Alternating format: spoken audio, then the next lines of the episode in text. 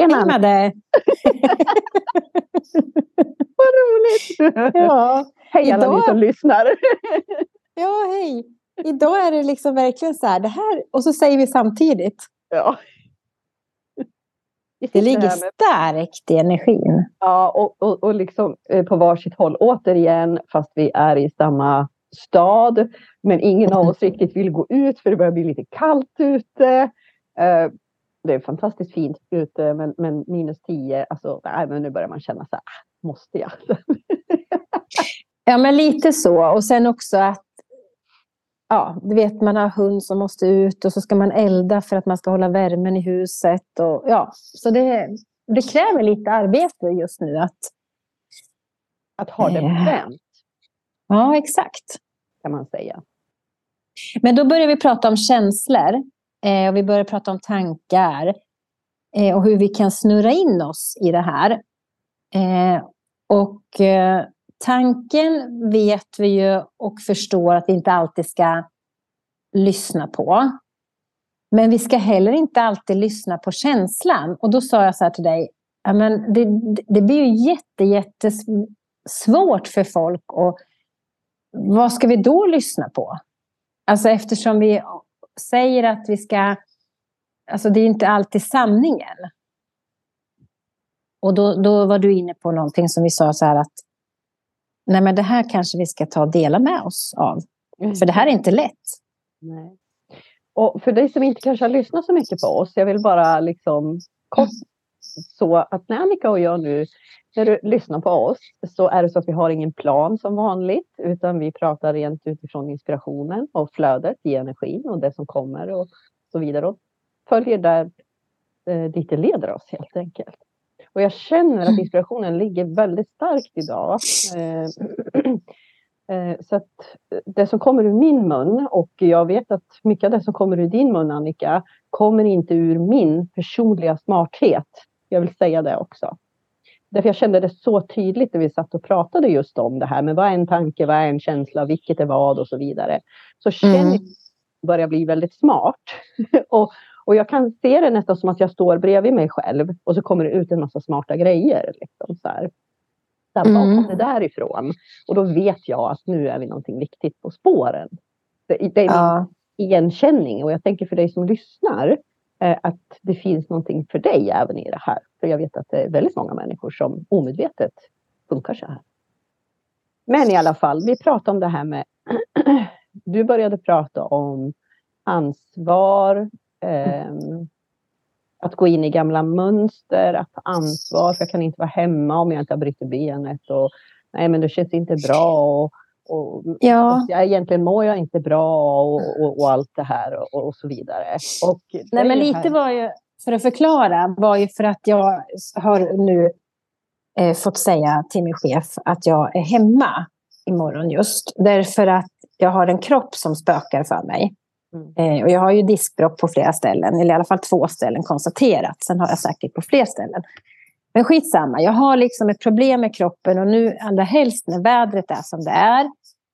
Eh, och, och jag blir så störd i det här. Äh, när jag liksom eh, inte riktigt känner mig bekväm till att jag jag jag känner ju att jag behöver vara hemma för jag kan inte utföra det jag behöver göra på mitt jobb och vara till hjälp och gagn just nu. Eh, jag kanske kan göra andra uppgifter, men nu var det inte så att jag hade en sån dag nu. Så då fick jag sjukskriva mig. Och, och det här blir svårt i mitt system. Därför att jag blir liksom så ansvarsfull och, och får liksom ett stresspåslag. För då tänker jag, liksom, jag övertänker och överanalyserar. Och jämför mig kanske också, och jag vet att, för, för då hamnar jag i det här korkade tillståndet. Man ska inte jämföra sig, man kan inte, och det vet jag också. Men, men jag hamnar där känslomässigt. Och fattar att det är gamla mönster som jag behöver titta på och liksom bli bekväm med mitt beslut som jag ändå har fattat för att ta hand om mig själv. Men det var där vi snurrade in oss sen på eh, det här med tankar och känslor. Eh, men bara för att få en bakgrund till vart vi hamnar, varför. Ja, och det här är ju vi människor. Och det är en sån fantastisk gåva att vara människa och kunna uppleva det här. Därför att vi är empater. Därför det är en mm. kärlekshandling att vilja ta ansvar. Att vara till service, precis som du sitter och pratar om egentligen. Mm. Eh, och jag dömer inte andra som behöver vara hemma och sjuka. Och, utan nej, men stanna hemma en dag extra du och jag är vänlig för att jag vet att vi behöver våran återhämtning. Men jag har inte den kärleksrelationen med mig själv där jag respekterar mig så som jag respekterar min nästa. Utan jag är mer mm. dömande mot mig själv. Det är en del, men också bara som en bakgrundsförklaring. Att det är vi människor i ett kollektiv som vill varandra väl. Mm. Mm. egenskap som människan har. Men så pratar vi om det här att ja, ja men jag tänker en massa tankar och sen så blir det ett stresspåslag. Ja, för det är kopplat till känslan och sen går det in i vårat ja, men vårat hela nervsystem, ja, men hela vår biologi mm. också, hela kroppen och så drar det igång historier hit och dit. Och egentligen så är inte någonting utav det en sanning. Hjärnan Nej. kan ju väldigt lätt snappa upp, shit, nu är jag inne i ett mönster. Om jag har verktygslådan, jag kanske har börjat jobba lite med mig själv, titta lite på mig, fått lite redskap, hålla med andra, kanske var gått i terapi eller annat och vet att okej, okay, nu kommer en sån där tanke som inte är sann. Jag ska inte lita på dig längre. Men mm. hela mitt biologiska system har slagit igång. Mm. Och mina känslor. Mm. Människor som är då empater, kärleksfulla varelser, lever ju utifrån min känsla. Varför går jag inte ut och klappar till grannen på käften? Nej, det är för att det skulle kännas så fruktansvärt fel. Eller hur? ja, eller rätt ibland kanske, jag vet ja, men. Nej, men det, det, ja, det, nej, vårt känslokompass är ju en sån ja, ja. viktig del i oss. Mm, mm. Här Absolut. en intressant grej och det är det att jag i min hjärna kan då bli medveten. Okej, okay, mm. då går jag in i ett gammalt mönster. Mm. mm. Men känslan känns exakt likadan som om det vore en sanning. Mm. Här kan du ju inte lita på din känsla. Här behöver du ta kommandot över dig själv. Ta ett andetag och försöka releasa det påslag du har av stress i kroppen. Prata med någon, bryta det här på något sätt. Så att känslan släpper greppet om dig. Mm. Att du kommer till konsensus med dig själv på något sätt och i alla fall. därifrån då kan se på det och fatta beslut utifrån en stadigare plattform i dig själv. Mm. Egentligen. Men då tänker jag så här. Eh, att då, när vi pratar om det nu, då, då ser jag ju framför mig liksom att då blir ju känslan kopplad till just det här gamla mönstret. Alltså tanken, känslan, det här. Vilket jag då kan köpa och tycka att det är... Eh, det, det, är ungefär som tanken kom någonstans fast jag inte visste om det. Eller det, den kanske finns och blir medveten. Men sen kommer känslan som en svans på den. Eh, men den är fortfarande likhetstecken med det jag har tänkt. Och då blir ju, då blir ju känslan en känsla jag inte kan tro på. För den är ju hopkopplad med min tanke. Eh, som ett, i det här fallet kanske då, eh, eller i något annat, ett gammalt mönster. Eh, och där kan jag faktiskt ta mitt förnuft till fånga och tänka okej, okay, nu, nu stoppar vi här för nu kan jag inte tro på varken det ena eller det andra. Mm. Vad är det som är vettigt? Men, eh, för det finns ju ändå, för jag tänker så här att när vi, för det, människan är ju också, man har ju hört så mycket, många säger, många coacher, många föreläsningar när man tar upp om personlig utveckling så, så, ska man, så pratar man just, just om att lyssna till din känsla. Mm. Inte tanken. Och så sitter vi här och säger att det är inte alltid heller sanningen. Alltså känslan är inte sanningen. Nej.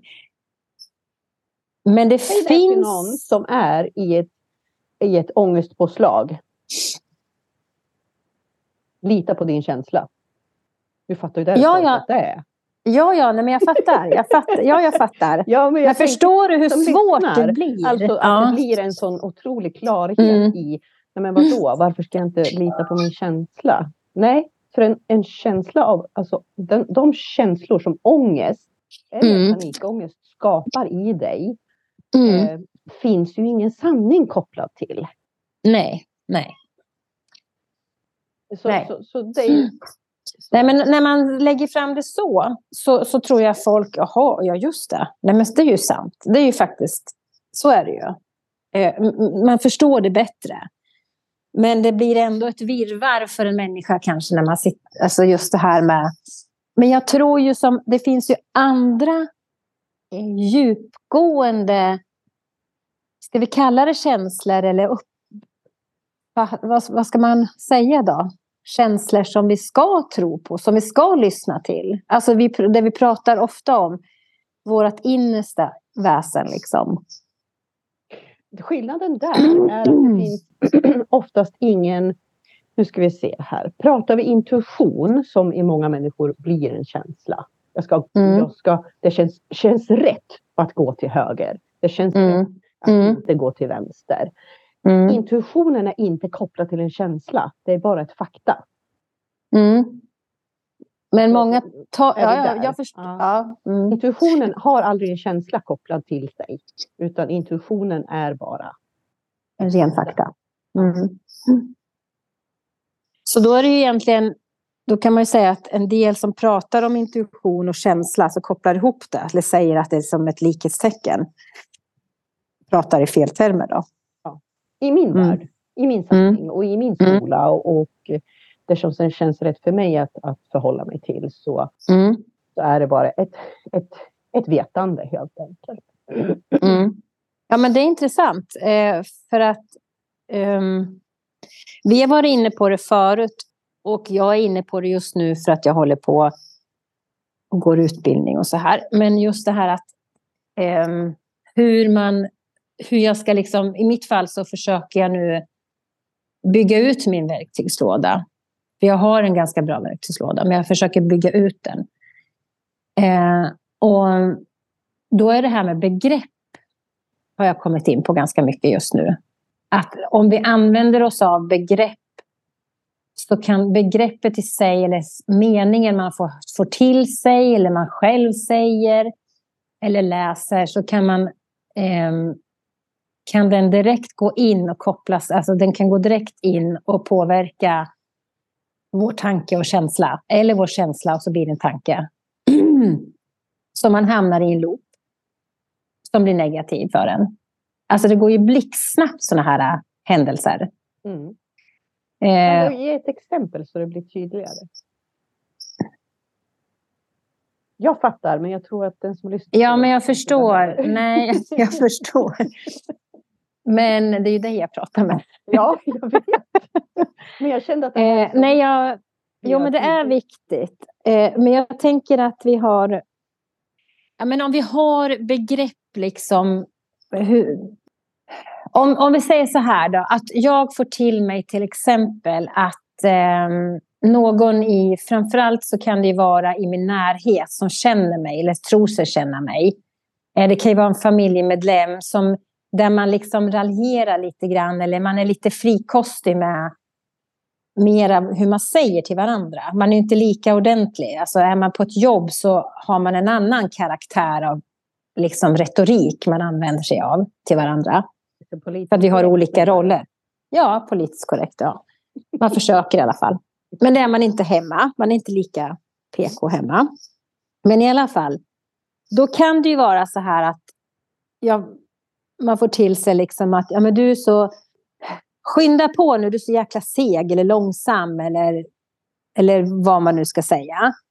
Eh, om, om vi sitter i, jag, kan ha, jag har fått det till mig till exempel. I, vi sitter i diskussioner Mm. och det där, har ju, det där fastnade ju ganska rejält hos mig. Därför att då har ju jag lagt en värdering i det här. Alltså det här sker ju per automatik. Jag har ju lagt en värdering och sen har jag inte tänkt på det. Mm. Utan jag har värderat mig själv då som sämre i det här äh, samtalet när jag ska liksom leverera ut någonting tillbaks i samtalet eller diskussionen att jag är för långsam, jag är seg, skyndar på. Eh, och det har ju varit människor som på något sätt inte har respekt för mig naturligtvis där och då att lyssna eller har tid eller vad det nu må vara. Men sen ändrade jag min egen retorik till mig själv i det här läget. Ja. Och använde mer termer som eftertänksam. Och det är ju där jag har landat nu, vilket har förändrat min känsla för mig själv fullständigt. Mm. Jag värderar inte mig själv negativt på det sättet längre, för jag tycker att en eftertänksamhet är ju bra. Att jag inte bara slänger ur mig massa svar till höger och vänster som jag kanske inte ens kan stå för. För för mig är det så viktigt att jag kan stå för det jag säger som kommer ur min mun. Och det är därför jag ibland i diskussioner, i samtal, kanske är lite långsam för vissa människor som har bråttom i livet. Som jag. Ja. Och, ehm, men liksom det är också... Idag är jag mycket starkare i det, men jag kan också hamna tillbaka till en sån gammal känsla. Eh, där jag då i så fall kan tänka så här, vet du vad, det är ju respektlöshet av den andra personen som inte kan acceptera mig för den jag är. Ja. Och där menar jag att kan man då ändra begreppen, kan man ändra liksom formuleringen så kan man också bidra med att ändra känslan. Och det här kan vi ju liksom... Nu tog jag bara det här som ett exempel för den har legat så starkt för mig tidigare och jag har känt så stor skillnad. Ja personligen. Därför tog jag det exemplet. Men det finns ju en uppsjö av exempel man kan ta. Men just nu så kommer jag inte på något annat. Och för mig så, så alltså, för jag ser det här solklart, alltså när du pratar om det, att det här handlar om ett inlärt gammalt mönster att jag är mindre värd. Av någon anledning. Liksom. Ja, ja, jo, ja visst, absolut för mig. Liksom. Och sen kommer det till mig eh, genom jag säger det, det är gammalt mönster. någonting eller att det blir mm. någonting annat som då triggar det här hos mig. Mm. Ibland kan en människa med sin blotta uppenbarelse mm. trigga en sån del igen. Och det är det att den vibrerar i en energi mm. kanske som påminner mig omedvetet om någon som har bidragit kanske till jag har den här gamla sanningen. Alltså, mm. Säg att jag har haft en mormor som inte har varit snäll till exempel och som har mm. liksom, ja, eh, och, och, och sen så möter jag en person som väldigt energimässigt påminner om det. Och direkt mm. så, så fattar jag inte vad som hände men jag gillar inte människan. Ja, ja. Det är att gå ett steg djupare in i förklaringen. Mm. Mm. Mm. Och det är det ja, här som precis. är så fantastiskt. När man blir, upplever sådana här känslor eh, precis som du beskriver liksom, i, i, i dig och det här, vilket vi alla gör. Jag gör det också, alla gör vi det. Det är ändå någonstans att säga tack i sitt inre till personen, sammanhanget, texten, vad det än är som har triggat det här i mig. För det ger mig en möjlighet att göra upp med den gamla sanningen. Att den mm. gagnar mig inte längre. Mm. Det är inte min sanning längre. Det är någon annan sanning som faktiskt hyr av mig utrymme utan att betala mm. hyran. Mm. Den, den, den, tycker jag är lite kul. Mm, den tycker jag är så bra, därför att den, den, den stämmer så väl överens då och då i en, i en själv. Att de där jäkla oinbjudna gästerna som finns där och chattrar. Ja, men det vi gör som människor, och det här är mm. någonting som jag brinner för verkligen det är att vi dömer oss själva så fruktansvärt hårt hela tiden. Att, att jag är fel eller jag är dålig eller att, eh, du förstår, det finns den kategorin människor. Sen finns det den kategorin människor där jag landar in ibland och säger att men människor är dumma i huvudet, de är idioter. Liksom. Och lägger det utanför mig istället. Mm.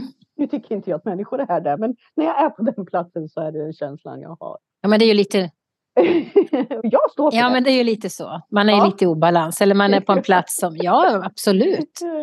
Så, så, det är väl också mänskligt, vi, tänker jag. Vi mm. dömer oss själva så snabbt. Men, nu säger jag det här igen. Jag tror jag har sagt det 300 miljoner gånger. Men det kanske mm. kommer någon som lyssnar som är ny som inte har hört mig säga det här. Säg, ponera nu, det här är min sanning. Du får ha din. Att vi föds till den här världen. I en kostym, en kropp. Med alla dess tillbehör. Tankar, känslor, fysisk varelse, allt det här. Med en liten själ där inne och en ande innanför. Och så gör jag den här resan. När jag kommer ut så tittar jag mig bara storögt omkring och jag, när jag föds ut i den här världen och förstår ingenting om var jag har hamnat och jag är begränsad och jag har kropp och allt det här. Herregud, och så ska jag någon ta hand om mig och det är obekvämt, jag ska bajsa och någon biter inte på mig och jag är hungrig och ingen fattar vad jag menar. Men du förstår allt det här som ett litet barn gör. Redan där mm. börjar vi att klä på oss mm. lagren av skal. Av mm. upplevelser av livet som mm. människa. Mm. Eh, så att alla de här plattformarna vi har av gamla sanningar är ju menade att vi ska klä på oss för att vi ska få den här mänskliga resan. Och sen plötsligt mm. så vaknar jag till liv och någonting skaver och känns obehagligt. Nej men vänta nu, vad är det här för någonting? Ah, det är inte min sanning längre. Åh, oh, tack så mycket för att du har rest med mig den här vägen. Men nu, nu får du flytta någon annanstans. Nu får du flytta ut. och så byter vi ut dig mot någonting som mer rimmar med den jag känner att jag är idag. För att vi utvecklas ju konstant varje minut, varje sekund, varje ögonblick. Blir vi ett nytt jag? Ja. Mm. Utom här hur många gånger vi vill. Och istället se det som ett äventyr. För det är det, själen är ju här för det här äventyret. Vilket gör att vi dömer oss inte lika hårt. Vi håller inte, för när vi dömer oss så knyter vi an en så stark energi i saker och ting i oss. Vilket gör att det blir svårt att separera mig från din kamp. Istället för att mer mm. på det. Ah, men tack för att du har rest med mig hit, jag fattar. Men nej, nu ska inte du med längre. Nu byter vi ut dig till någonting som är mer gynnsamt, som känns som mig. Kan vi vara lite mer sådana med oss själva, så skulle ju livet kännas mer som ett äventyr än som en kamp. Men visst är det så det är ju det. är klokt. Ja, jag förstår det. Det är jätteklokt. Det här var jättefint beskrivet. Eh, men vi har ju pratat just i de termerna att vi är, både du och jag är ju på en sån plats för det mesta. Eh, där vi faktiskt tycker att livet är lite äventyrligt. Även om vi går igenom tuffa saker Eh, och att vi också hamnar i de här situationerna där man tar den här dansen med sig själv och frågar sig varför och hit och dit.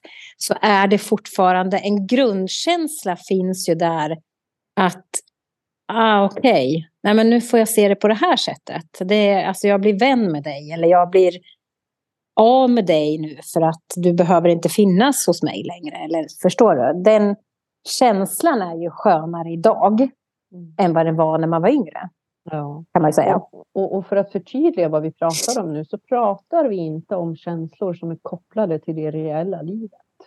Att, att, gå igenom en förlust, att någon går bort till exempel och jag går in i en sorg eller att jag går in i en separation och, och, och går in i en sorg där eller en, mm. en stark rädsla för att uh, inför att förlora någon. Alltså nu, nu, det är kopplat till en reell verklig händelse. Det är inte de känslorna vi pratar om, utan det är de här mer oidentifierbara eh, som blir plötsligt så starka i oss. När hjärnan mm. förstår att det här är ett gammalt mönster jag går in i. Mm. Om ansvarstagande till exempel. Även fast jag är sjuk så ska jag gå till jobbet, men jag tycker inte mina mm. kollegor ska det. Varför dömer jag mig själv hårdare? Varför har jag högre mm. krav på mig själv än andra? Mm det är de känslorna mer vi pratar om. Jag kände bara att det var viktigt att vara tydlig där. Ja, men det är bra. Mm. ja, men det är, det, är just, det är spännande och jag tror, jag tänker så här också att nu tror jag många människor i det här avlånga landet, eller i världen överhuvudtaget, att man när man är inne på ett nytt år och vi har liksom precis bara klivit in på det nya året, så hamnar många i det här att göra upp med sig själv eller göra upp med livet eller starta om eller rensa ut och få någon liksom ny kraft och så. Vilket är fantastiskt.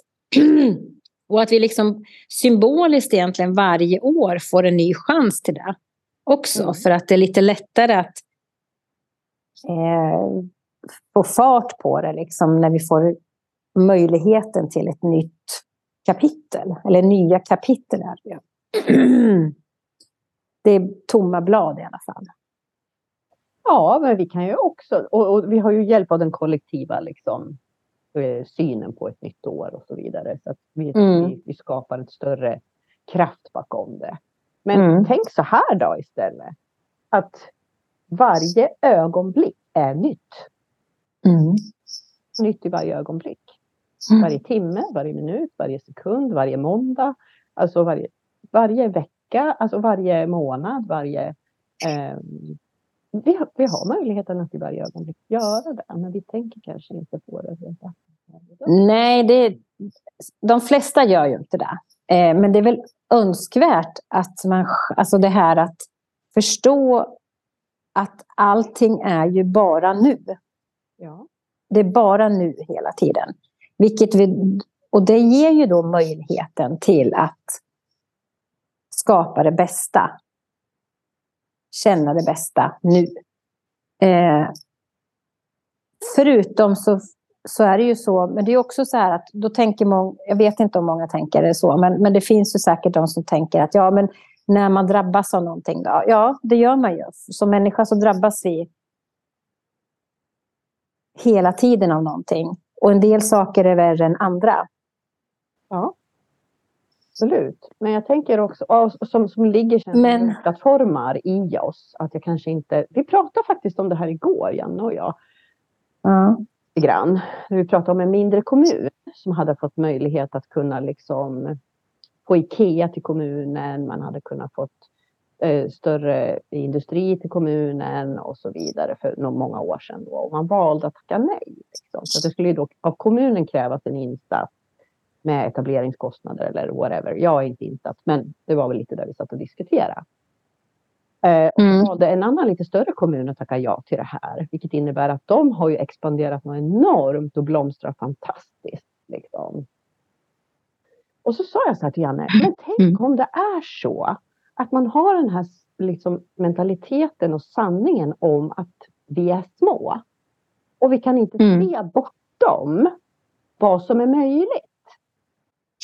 Nej, precis. Ibland styr mm. alltså, bekvämligheten och tryggheten i jag vet vad jag har går mm. före. Liksom. Mm. Och så funkar ju vi människor också. Eh, djuren gör det också, annars skulle inte de överleva. Alltså, men det är en överlevnadsinstinkt. Jag sätter inte handen på plattan för då bränner jag mig. Liksom. Mm. Eh, eh så vissa saker eh, är ju viktigt att vi har. Det är klart att de fungerar. Men det finns, det finns några, eh, ett citat som eh, ehm, eh, Rädsla och självtvivel har alltid varit de största hoten mot människors potential. Brian Tracy. Eh, det är precis där det är, att vi just... Alltså, rädsla och tvivel försöker ju oftast kanske framstå som våra vänner. Alltså, det är ungefär som när egot pratar, att vi ska skyddas. Ja. Eh, från någonting. Eh, och att vi vi skyddas då kanske från eh, besvikelser och, och så. Medan det egentligen i själva verket alltså bara hindrar oss från att ta del av det vi ofta pratar om, du och jag Madde, universums överflöd. Ja. Därför att vi, vi har det här och det ligger så djupt i oss. Eh, så att det är också svårt att nå eller förstå att det kommer till ytan. För jag menar, det är också en sån här grej. Vi har ju bara få procent som är medvetna tankar, resten är undermedvetna. Och så att det är ju inte enkelt att få fatt på det, men det går. För det finns verktyg att jobba sig fram till det. Och just att lära sig, liksom, och just att se sin rädsla och tvivel, bara det är ju nytta. Mm. Bara liksom att kunna förstå att det här kan, alltså att det hjälper oss inte. Och du ser då den här kommunen som tackade nej av förmodligen någon form av rädsla. Eller tvivel eller någonting. Som gjorde då att någon annan tog över och de fick eh, skörda eh, det mycket bättre. Alltså det, alltså det blomstrade som ni sa.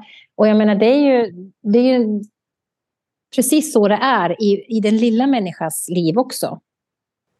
Och Sverige som samhälle är ju också väldigt tyngt under mm. just det här att nej men jag inte ska jag tjäna pengar och, och pengar är mm. fult och, och mm. ska jag vara bättre än någon annan och inte kan jag vara större. Nej men nej jag stoppar mina raggsockor här. Inte ska folk tro att jag har råd att gå och köpa nya eller sticka mm. nya. Så var det förr och inte ska jag, mm. inte ska jag och nej, inte kan jag uttrycka mig, inte kan jag vara för mycket, jag kan inte låta för mycket, jag kan inte ta för mycket plats, jag kan inte, nej, jag måste anpassa mig till liksom den konforma verkligheten på något sätt och vara politiskt korrekt hela tiden. Och, och allt det, här. Det, det, är, det är väldigt gynnsamt och väldigt värdefullt att vara en sån människa som jag är, som har så bråttom hela tiden. Därför jag hinner inte ta hänsyn till allt det här alla dagar och alla eh, ögonblick i mitt liv.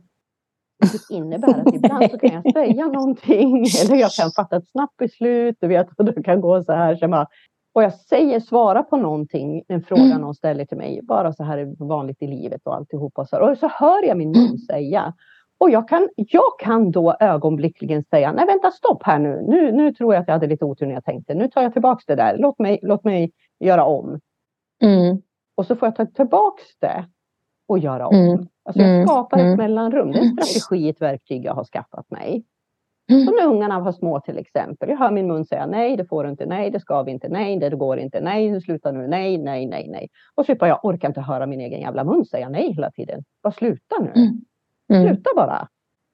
Och sen har man ju hört det här att ja, men man måste vara konsekvent och har man, i barnuppfostran och har man sagt nej så ska det vara nej och du vet allt det här. Och jag bara kände så här, ja, men det kan alla andra göra. Jag skiter i vilket. Mm. Och så kunde jag ha sagt nej och sen bara, nej men stopp, vänta här nu killar. Nej, jag ändrar mig faktiskt. Jag hade lite för bråttom när jag sa nej. Det är klart att det går. Det är klart att ni får. Det är klart att vi gör. Att jag kunde ändra mig. För det skapar ja. också en väldig frihet i att vara människa. Att jag äger alltid rätten att kunna ändra mig. Mm. Ja, du äger ju din egen rätt till ditt eget liv. Alltså det är du som är regissören i ditt liv. Och en regissör kan ändra sig. Det är ett väldigt bra eh, redskap eh, när jag håller på att utforska mina gamla sanningar. Att mm. ge mig själv den rätten mm. i skarpt läge när, i ett möte med en annan människa, vilket oftast är det som sker när vi är tillsammans med andra. Vi speglar ju varandra, vi är ju varandras hjälpredor hela tiden att, att utforska oss själva. Det är mm. genom andra jag kan utforska mig själv. Liksom.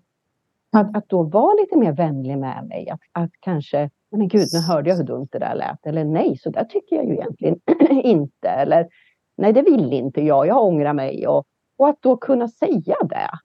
Mm. Därigenom så bara, mm, nej men titta här, jag tyckte inte så längre. jag får en omedelbar insikt att nej men okej, det här är inte min gamla plattform längre. Det här är inte min gamla samling längre. Och då slipper jag ha den internt i mig själv hela tiden och snurra och snurra och försöka analysera. Utan jag får den direkt i ett möte med någon annan. Så. Ja men precis, men tror du att man är rädd då? För jag, jag, förstår precis vad du menar och jag har också börjat träna på den här för ett tag sedan. Eh, kanske inte lika länge som du har, det vet jag inte, men det är skitsamma. Jag har också tränat på att jag kan ändra mig. Alltså i vissa saker, så här vardagsgrejer, då kan jag ändra mig hur som helst. När det gäller barnen, vet jag, uppfostran och så här, så Ja, men du vet, man har normer om att det ska vara, man ska sätta på sig pyjamas, man ska läsa en saga, man ska ha vad det nu är för rutiner. Det är det, det är det, då är man bra förälder. Eh, man får inte äta glass före maten helst och såna grejer. Men sådana saker har jag aldrig haft. Då har jag liksom bara känt att vi följer nog flödet här lite grann. Men däremot i andra hänseenden så har jag liksom på något sätt kunnat svara eh, fast jag kanske egentligen inte ville svara där. Men då har jag stått fast vid den ståndpunkten. Eh, för att men där har jag tränat mig mer och mer. Måste fortsätta att göra, definitivt. Ehm, men det är ganska skönt, eh, för att svara på det du säger, svara an på den här frihetskänslan. Att jag ger mig möjligheten till att förändra eller ändra min åsikt. För som vi nyss sa också, att vi ändrar oss ju hela tiden. Vi utvecklas hela, hela tiden. Det kan ju räcka med att jag har under en kvart läst några jättekloka saker i en tidning, i en bok eller tittat på tv. Och sen när någon kommer och ställer en fråga så hade jag kanske först svarat på ett sätt, men sen kommer på. Nej, fan, det där behöver jag inte svara på nu, så, på det sättet. Jag tycker ju inte så egentligen. Jag tycker ju så här, för jag kände igen mig i kanske det du har sagt eller något jag har läst eller jag har sett. Då. Och det är mycket större frihet. Därför att då släpper du de här eh,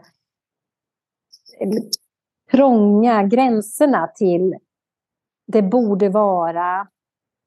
Eh, det eh, alla de här måsten, normer, system, sätten som man har liksom egentligen blivit skolad i. Som man har fått satt på sig på grund av. Så kan man släppa det på det här sättet också. Att faktiskt stanna upp eller ändra sig helt plötsligt. Eller stanna upp en stund. Man behöver inte svara heller alltid på en gång. Nej, absolut inte. Det är mellanrum jag ofta använder faktiskt. Ja, men det kan jag återkomma. Uh, så. eller mm. jag svarar inte upp på det just nu eller ge mig en minut eller, eller mm. jag återkommer senare eller alltså någonting sådär. Mm. Det, det, mm. det, men många av oss tror ju att vi måste liksom direkt bara svara an och bara vara där. jag kan säga att jag har varit sån. Extrem. Extrem. Så jag har själv, liksom, när jag jobbade inom näringslivet i flera år och sökte kunder eller jag kunde söka myndigheter eller andra chefer, vad som helst. Och så skrev jag liksom ett mejl och så satt jag nästan och, och eh, kände, alltså, svarade de inte upp inom fem minuter så var det, liksom, det var inte klokt. Jag har ju nyss skrivit det här, det måste de ju kunna svara på direkt. Mm. Som om de skulle sitta där och vänta på att mitt mejl kom. Mm. Det, det, är ju helt galet egentligen hur man... Men det var så jag funkade. Mm. Jag ville svara upp direkt. Så om någon frågar mig någonting på jobbet så svarar jag upp direkt. Och fatta den anspänningen att hela tiden vara eh, eh, ajour, liksom. vara, vara eh, direkt tillgänglig. Det kan vi ja. inte vara. Vi kan inte vara smarta och tillgängliga precis i ögonblicket hela tiden. Det är omöjligt. Det, det kan vi inte, kravet kan vi inte ha på oss själva. Men jag tror att Nej. det är en väldigt, väldigt stor hjälp till, till eh, det här att... Alltså, nu ska vi se här. Jo, vi pratade ju förut, och, vi har pratat många gånger om det här med att skilja på sak och person. Att jag kanske mm. inte kan acceptera det du gör, men mm. skiljer dig från den du är. Mm. Eh, att lära sig också där skillnaden. Eh, därför att jag är, vad är jag för någonting? Vem vill jag vara? Eh, att, att, att hitta att jag är värd att respektera lika mycket som jag respekterar min närmsta människa. Jag kan inte ställa högre krav och ha högre förväntningar på mig själv än vad jag har på min nästa. Att vara lika vänlig med mig mm. själv mm. mm. Med, med de jag älskar runt omkring mig. För det är också en spegling. Kan jag älska vid mm. Utåt mm. så mm. har jag kapaciteten och förmågan att göra det inåt. Mm. Men om jag hela tiden älskar utåt i en rädsla. Med krav. Att jag ska duga. Mm. Jag måste göra det här för den jag älskar för att annars kanske jag byter ut mig. Jag måste göra mm. det här för den jag älskar. För det är villkorat. Liksom. Mm. Mm. mm. Liksom den kärleken också som du har tillgång till, till dig själv. Alltså det finns så mycket spännande, intressanta sätt att utforska och i slutändan handlar det liksom om vad vem vill jag vara egentligen? Jag har rätt och möjlighet och, och, jag, och vem vill jag vara egentligen? Egentligen, vem vill jag vara? Ja. Jag förstår ju nu varför, alltså just nu är jag inne i en period där jag absolut inte trött, jag kan inte sova. Halv fem i morse gick jag och la mig. Och då hade jag ju tittat på dokumentärer på, på Netflix. Bara där. Jag tittar väl inte med på tv så speciellt ofta, men, men då, då gjorde jag det. Och hamnade då på en film som jag rekommenderar och det är en film uh, som heter The Great Beyond. Och det är med Jim Carrey när han mm. gestaltar Andy Kaufman. Och det här mm. materialet som spelades in eh, bakom kulisserna. Alltså inte själva filmen som producerades. Nej, Nej utan bakom. Ja. Utan bakom kulisserna. Och lyssna på Jim Carrey där. Alltså hans reflektioner när han gestaltade den här komikern Andy Kaufman. Eh, och, och, hans alter ego som jag nu inte minns namnet på. Men hur han gick all in i den här rollen och han var, han var Andy under hela produktionen.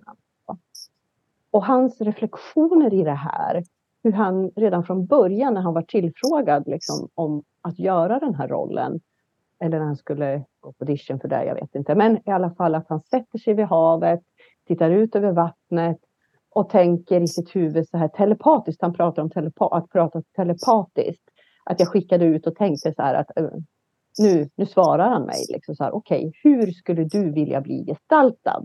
Säger han till Andy.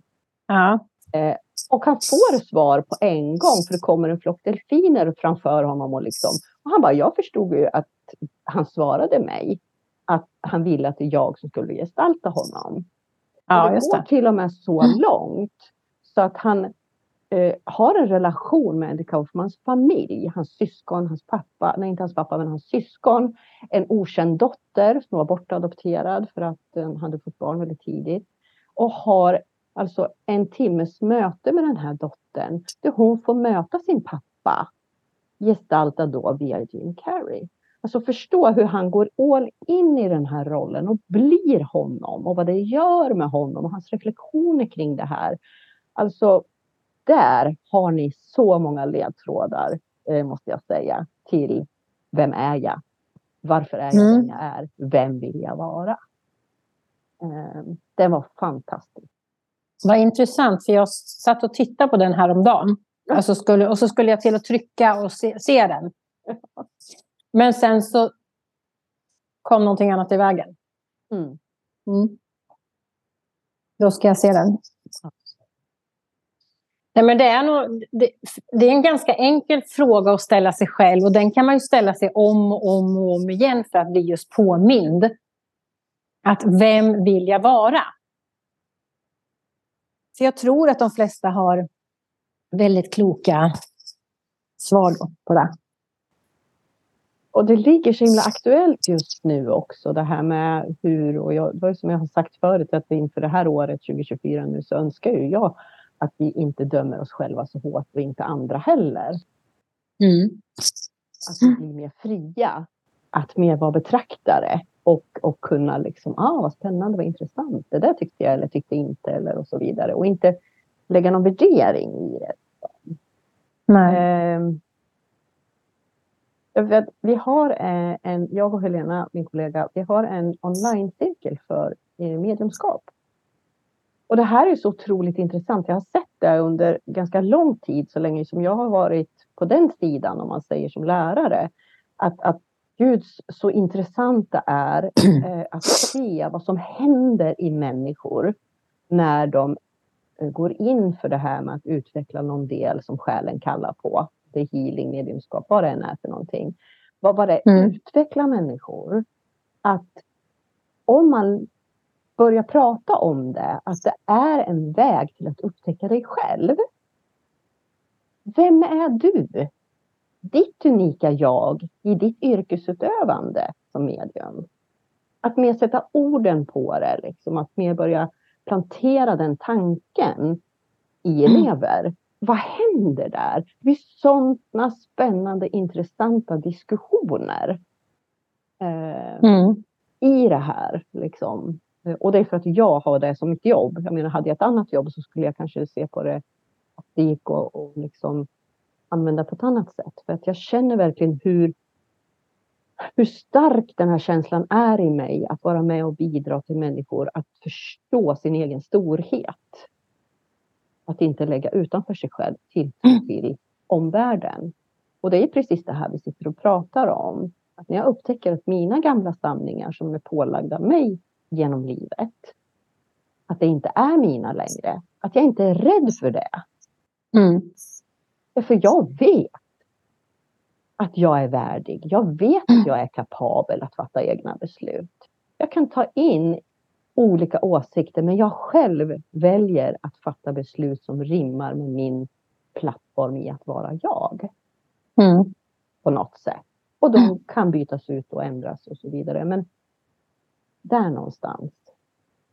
Och jag ser det som ett experiment, ett, ett, ett, jag inte dömer, utan det är vad det är på något sätt.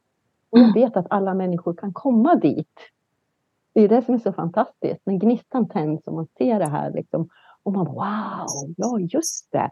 Och vilken frihet det skapar i livet. Ja. ja. Tänk att få med, alltså det här är ju wow alltså.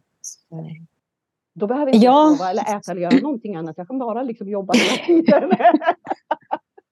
ja, Nej, men jag, och jag känner också det att det, det är precis det är ju den inspirationskällan eller den inspirationsbubblan eller energin som jag också drivs mot. Alltså som jag känner att jag vill ta del av eller få utöva. Till, alltså hjälpa andra också på mitt sätt. För det är, som du säger, så är det så fantastiskt. Alltså det finns sån stark energi i det här. Äh, och som är så kärleksfull och kraftfull och tillitsfull och utvecklande. Eh, och det behöver och när man säger det i så stora ord så blir det liksom att oj, vad händer då? Nej, men alltså det är, det är inte så mycket som behöver hända i ett möte. Du kan bara se eller känna att nu händer det någonting. Och det räcker. Det räcker så väl för att förstå att man har hjälpt personen att öppna upp ett fönster gläntat lite på dörren. Sen är det ju människor men det finns liksom någonting man har kunnat fått vara med och hjälpa i bidraget till det. Och sen utgången av det, det vet man ju inte, men det, det liksom spelar ingen roll. Det är inte man, man känner... att veta. Liksom nej, det, utan nej. Det är ju mer det här att, att eh, det, om man pratar om den här gnistan, den här insikten att wow, mm. hände det någonting här? Mm. Det bidrar ju till att vi hjälps åt. Jag menar, mm. vi alla hamnar i situationer när vi fastnar i gamla mönster och inte kommer ur det. Men, men vi hjälps åt att mm. stärka den muskeln.